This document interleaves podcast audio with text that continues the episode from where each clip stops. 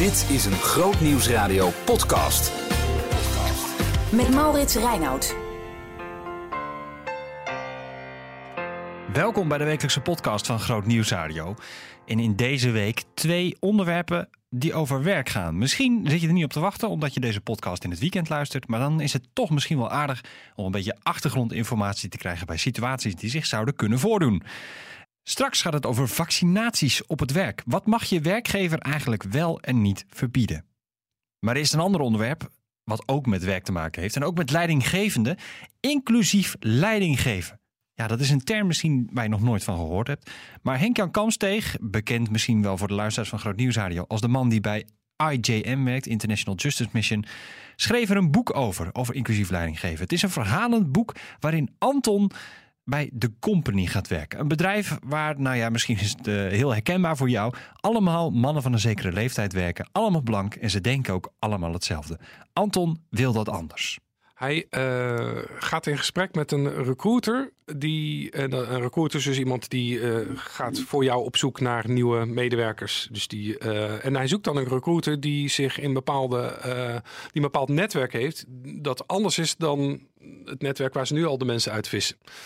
Uh, en met die recruiter gaat hij in gesprek en uh, die zoekt een aantal geschikte kandidaten voor hem. Uh, waarbij uiteindelijk dus het gevolg is dat niet alleen die blanke Nederlandse man van 50 in zijn directieteam komt, maar ook een aantal mensen met een allochtone achtergrond. niet alleen mannen, maar ook vrouwen. Niet alleen hetero's, maar ook een, een homo. niet alleen sportieve, valide mensen, maar ook iemand in een rolstoel. Dus het wordt een heel divers clubje. Um, en dan begint ook het, uh, er komt het gedonder in de tent. Want dat, daarmee is namelijk niet uh, het probleem opgelost. Want mensen die elkaar niet begrijpen, uh, kunnen elkaar wel in de haren vliegen. En dan wordt het juist heel lastig. Dus daarmee geven we aan in het boek, Oer en ik, dat diversiteit niet per definitie direct over rozen gaat. sterker nog, dat kan heel erg ingewikkeld zijn. Want je hebt in één keer tegenspraak. Je hebt mensen die elkaar niet begrijpen. Nou, daar moeten ze dan mee in de slag. Dus we gaan een hijsessie doen. En... Um, dan uh, wordt iedereen, ik hou van storytelling, dus ze worden allemaal uh, door een coach in dat boek, die voeren we op, uh, leren ze hun verhaal te ontdekken, maar mm -hmm. ook hun verhaal te delen. En leren ook heel kwetsbaar te zijn. Dus de een vertelt hoe het voelt om als allochtone Nederlander in Nederland, ook al ben je in Nederland geboren, maar je ouders komen vanuit Marokko of Turkije of denk een land, zich nooit thuis hebben gevoeld in Nederland. Ook al ben je geboren, maar ook uh, in het land waar hun ouders zich niet thuis voelen. Nou, een van die personen die deelt dat, hoe dat voelt en wat, wat dat met hem doet. En een ander vertelt dat hij heel zijn leven lang, eigenlijk van de jongste van aan al merkte dat hij op jongens viel. Uh, maar dat nooit heeft durven uiten, omdat het gewoon niet geaccepteerd werd. Um, en die vertelt over zijn persoonlijke strijd daarin en, het gevecht en de moeilijkheden die dat heeft, uh, voor hem heeft gebracht. Nou ja, daar zit dan iemand in, in zijn team die het niet zo op homo's heeft, om het zo maar te zeggen. Nou, die moeten wel samen gaan werken. Nou, hoe ga je elkaar leren kennen? Hoe ga je elkaar accepteren? Hoe ga je inclusief worden? Dus de ander omarmen in feite. In plaats van denken, jij bent anders, ik moet jou niet. Want nou. waarom is het, um, want je bent eigenlijk met dat leiderschap, ben je dus begonnen met het, het, het diener, het dienend leiderschap. Mm -hmm. En dit voelt een beetje weer als nog weer een, een verdieping daarvan, het, het, inclu het inclusieve. Um, want Anton begint natuurlijk al inderdaad, als we nog heel even teruggaan naar mm -hmm. dat dienend uh, leiderschap. Waarom is dat voor veel leiders eigenlijk zo tegennatuurlijk? Omdat het een ego-ding is.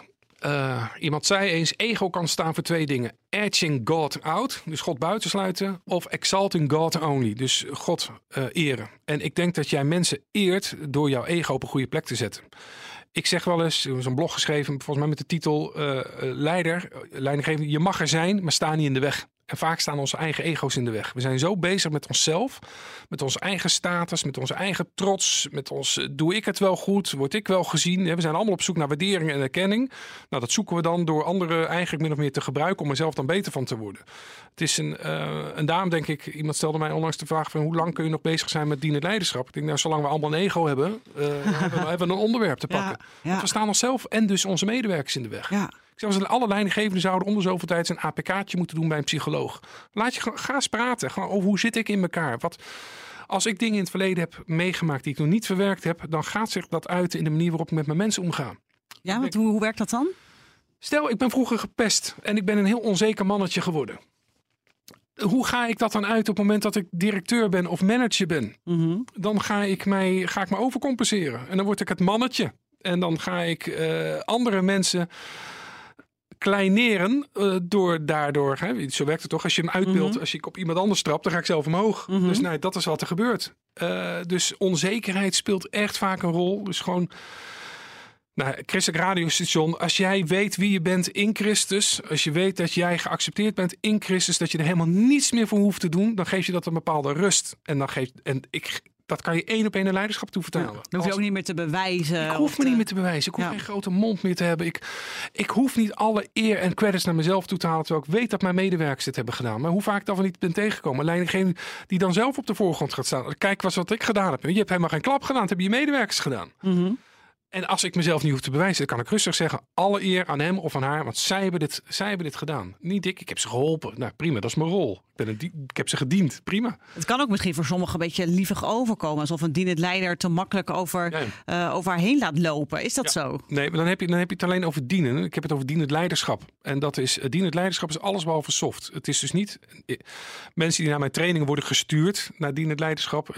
sommigen die denken, oh dienend leiderschap, dit wordt een geitenwolle sokkentraining. Nou, ik waarschuw ze altijd, het wordt het niet. We gaan het over effectief leiderschap hebben. Dienend leiderschap is niet soft. Eh, iemand zei eens, je hebt dienend leiderschap pas begrepen. Dus je kunt zeggen, ik hou van je. Maar je bent wel ontslagen. Dat weet je, dus de harde en de zachte kant samen. Je moet heel, als dienend leider moet je heel duidelijk weten wat je wil. En dat betekent dat je ook soms hele harde keuzes moet maken. Ehm, dus er is helemaal niet softs aan. Maar probeer het maar eens. Het is, het is verrekte moeilijk. Het is niet soft. En het klinkt dus wel dat het dus veel verder gaat dan op de juiste momenten het toepassen van bepaalde trucjes of modellen. Die, komen, die kunnen helpen om jouw dienend leiderschap handen en voeten te geven. Ik, ik doseer ook een model. Het situationeel leiderschap gebruik ik veel.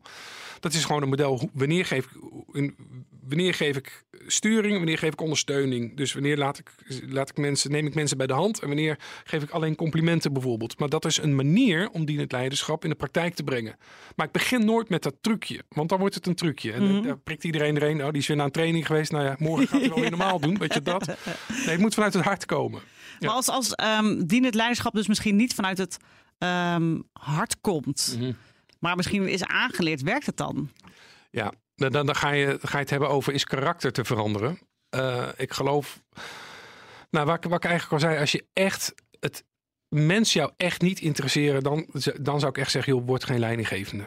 Maar je ziet het ook met veel ondernemers, hè, die eh, beginnen een onderneming en begint te denken te lopen. Eh, shoot, ik moet nu mensen aan gaan nemen. Er is een Joods, zegt, eh, Joods gezegde, wat ze, als je iemand niet mag, dan zeg je, ik wens je veel personeel toe.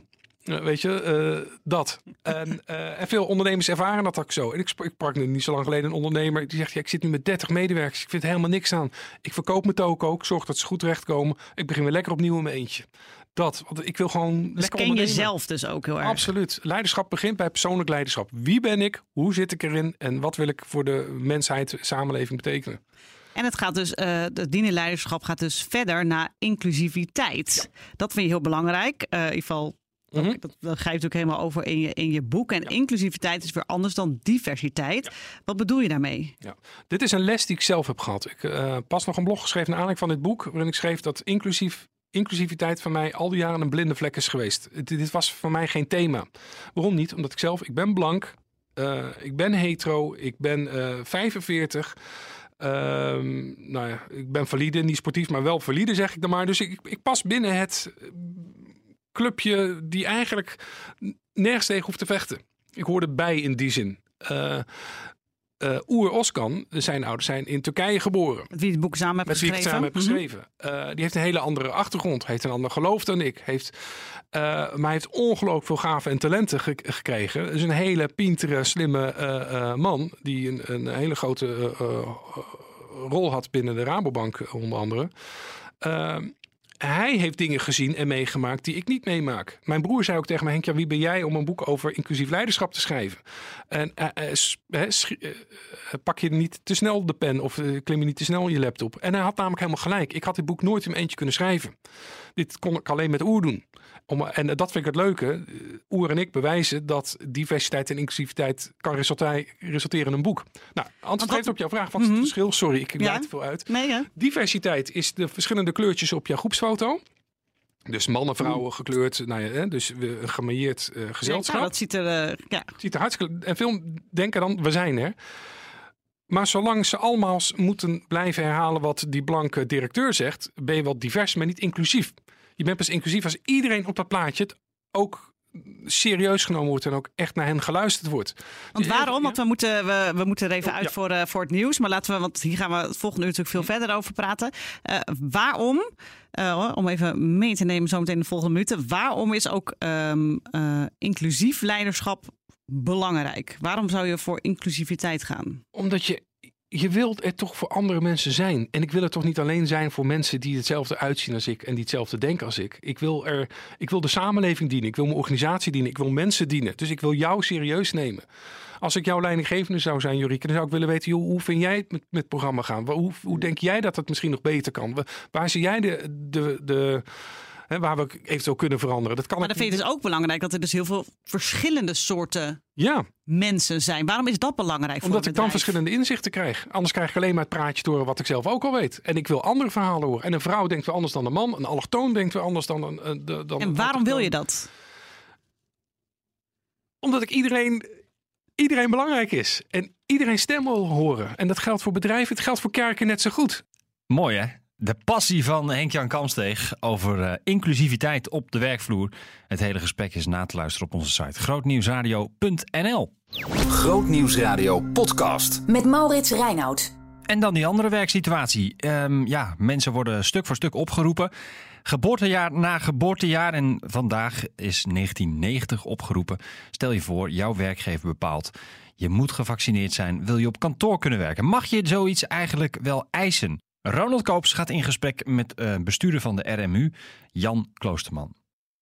Ja, corona-gerelateerde vragen hebben we, nou, ik kan wel zeggen dagelijks. Dat zijn natuurlijk heel verschillende type vragen, maar eh, zeer regelmatig. Ja, en waar, waar maken mensen zich het meest zorgen om? Wat, tegen, wat voor situaties lopen ze aan?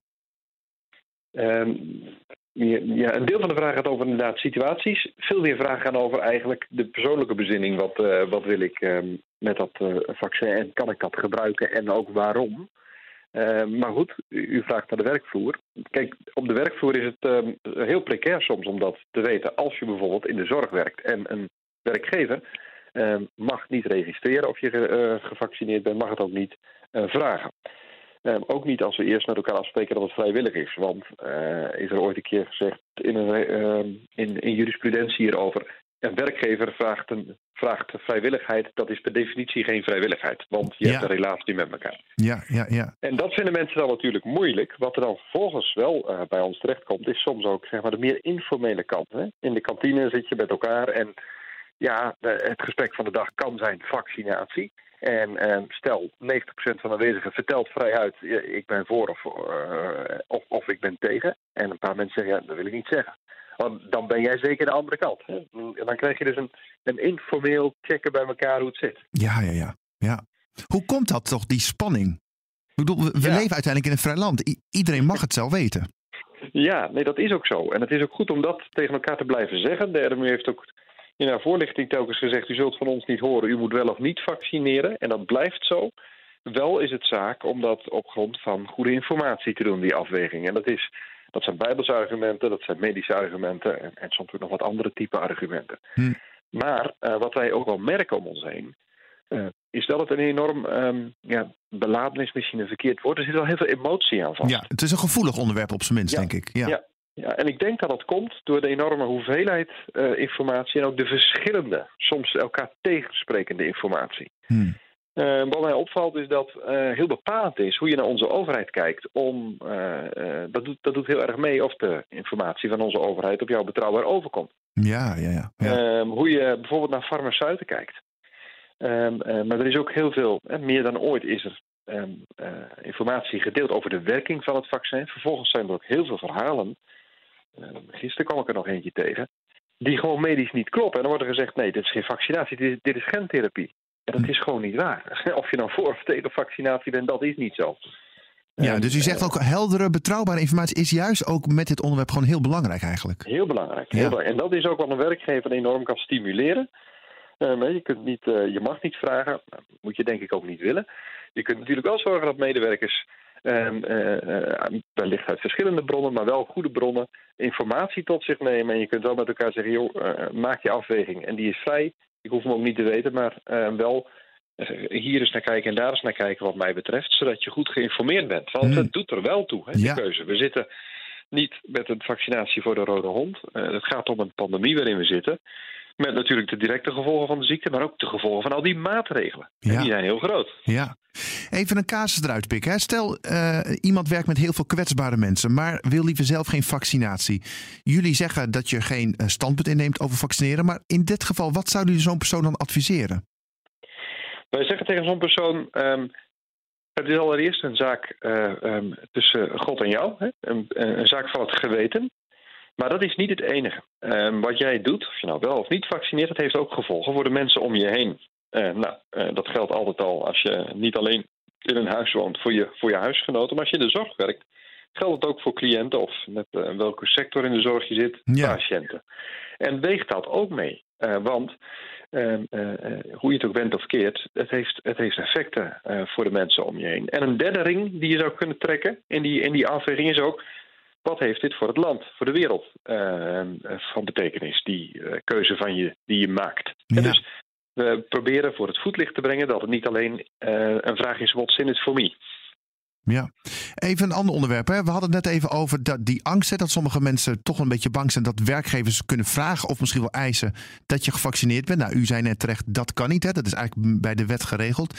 Maar wat, wat kan een werkgever wel doen? Waardoor een werknemer zich misschien toch wat, ja, wat vervelend voelt als hij of zij zich niet laat vaccineren. Er zijn experimenten ehm, geopperd om een, eh, een vaccinatiebonus eh, te doen. Eh, en dan, nou, dan vragen we nog steeds niet, ben je wel of niet gevaccineerd? Maar ja, om die bonus te kunnen uitkeren zul je toch moeten weten. Ja, Dus dan, dat is natuurlijk, dat is natuurlijk een, een, eenzelfde vorm, maar dan indirect. Hoewel bonussen, dat is bij de wet vrij. Maar als Ja. je dat hier aan koppelt, dan haal je natuurlijk die informatie wel op. Ja, wat, wat is vervelend als een werkgever? Kijk, een werkgever ehm, kan natuurlijk enorme morele druk gaan uitoefenen, die soms aan de andere kant ook wel weer te begrijpen is. Ehm, als jij eh, eh, met al veel te weinig personeel, wat op heel veel plekken het geval is, die IC-bezetting rond moet maken, of in een bejaardentehuis met verpleegkundigen het rooster rond moet maken, ehm, of met artsen, ja, dan weet je ook ehm, eh, dat het wel belangrijke informatie is. Je kunt dan zeggen, ja, als jij niet gevaccineerd bent, maak je anderen ziek van een kwetsbare doelgroep. En als je zo zou gaan redeneren, vraag je nog steeds ni- ni- niets, maar zet je wel druk. Ik heb gelukkig weinig situaties eh, langs zien komen waarin dat gebeurt. Ik zie dat de meeste werkgevers proberen op een goede manier hiermee om te gaan. Ehm, en mensen snappen zelf vaak ook wel dat hun keuze nogal ehm, effect heeft voor, in dit geval, patiënten waar ze mee werken of cliënten. ja, ja, ja. Nog even naar de andere kant. Hè. We hebben het al gehad over een werkgever. Die kan je niet verplichten om te vaccineren. Eh, we hebben het ook gehad over de sociale druk. Hè. Die kan ontstaan om je juist wel of niet te vaccineren. Heeft een werkgever daarin ook een verantwoordelijkheid om goed om te gaan ja, met, met de sociale omgeving eigenlijk van de werknemers? Ja, dat vind ik een, een mooie vraag. Het antwoord is ja. Ehm, en misschien hetzelfde wel als wat jullie nu doen. Ehm, om, even los van wie dan nu het woord voert, maar om ruimte te geven en stem te geven aan beste mensen. Hier wordt verschillend over gedacht. En er zit behoorlijk, voor in ieder geval voor een deel van de mensen, behoorlijk emotie aan het debat. Realiseer je dat? En, en wat je ook kiest, ehm, als ik werkgever ben, wil ik jullie vragen met respect. In ieder geval eh, het liefst overal, maar ook binnen dit bedrijf. Om te gaan met die verschillen. Want Ehm, onder christenen wordt hier verschillend over gedacht. Dus ehm, is het niet een zaak eh, die heel evident ligt als het gaat om wel of niet. Ehm, en we hebben dan ook niet zoveel aan eh, een moreel oordeel. Ten meer als we zeggen dat het een zaak is eh, tussen God en je eigen hart, je eigen geweten. En een gewetenszaak is per definitie iets van een, eh, een persoonlijke afweging. Ja. En vraagt volgens mij dus ook dat je met respect omgaat als iemand daar goed over na heeft gedacht, gewetensvol over na heeft gedacht. Ehm, om er met respect om te gaan, wat daar dan ook uitkomt. Dus de, de, de toon van het debat, of het gesprek erover aan de koffietafel, moet dan daarmee ook in lijn zijn. Ja, ja. En een, een, een werkgever zelf moet dan ook niet eh, de druk zetten. Je kunt oproepen tot respect, maar er hoort, er hoort een houding bij. En ook een manier van bejegenen in het gesprek hierover. Ook als het eh, beladen is en zelfs als je tegenover elkaar staat als het gaat om de mening die er uiteindelijk uitkomt. Ja, dat is dus eh, hoe je het ongeveer moet aanpakken als het gaat over werkgever-werknemer relatie. en hoe om te gaan met de vaccinaties. Er komen natuurlijk steeds meer mensen bij die gevaccineerd worden. De wereld verandert wat dat betreft heel erg. Maar er zijn ook veel mensen die zich zorgen maken over het vaccin of zoiets hebben van aan mijn lijf geen Polonaise. Het zal waarschijnlijk in de toekomst nog leiden tot heel veel van dit soort vraagstukken op de werkvloer. Volgende week weer een nieuwe podcast. Bedankt voor het luisteren en tot volgende week. Behoefte aan meer? Grootnieuwsradio.nl slash podcast.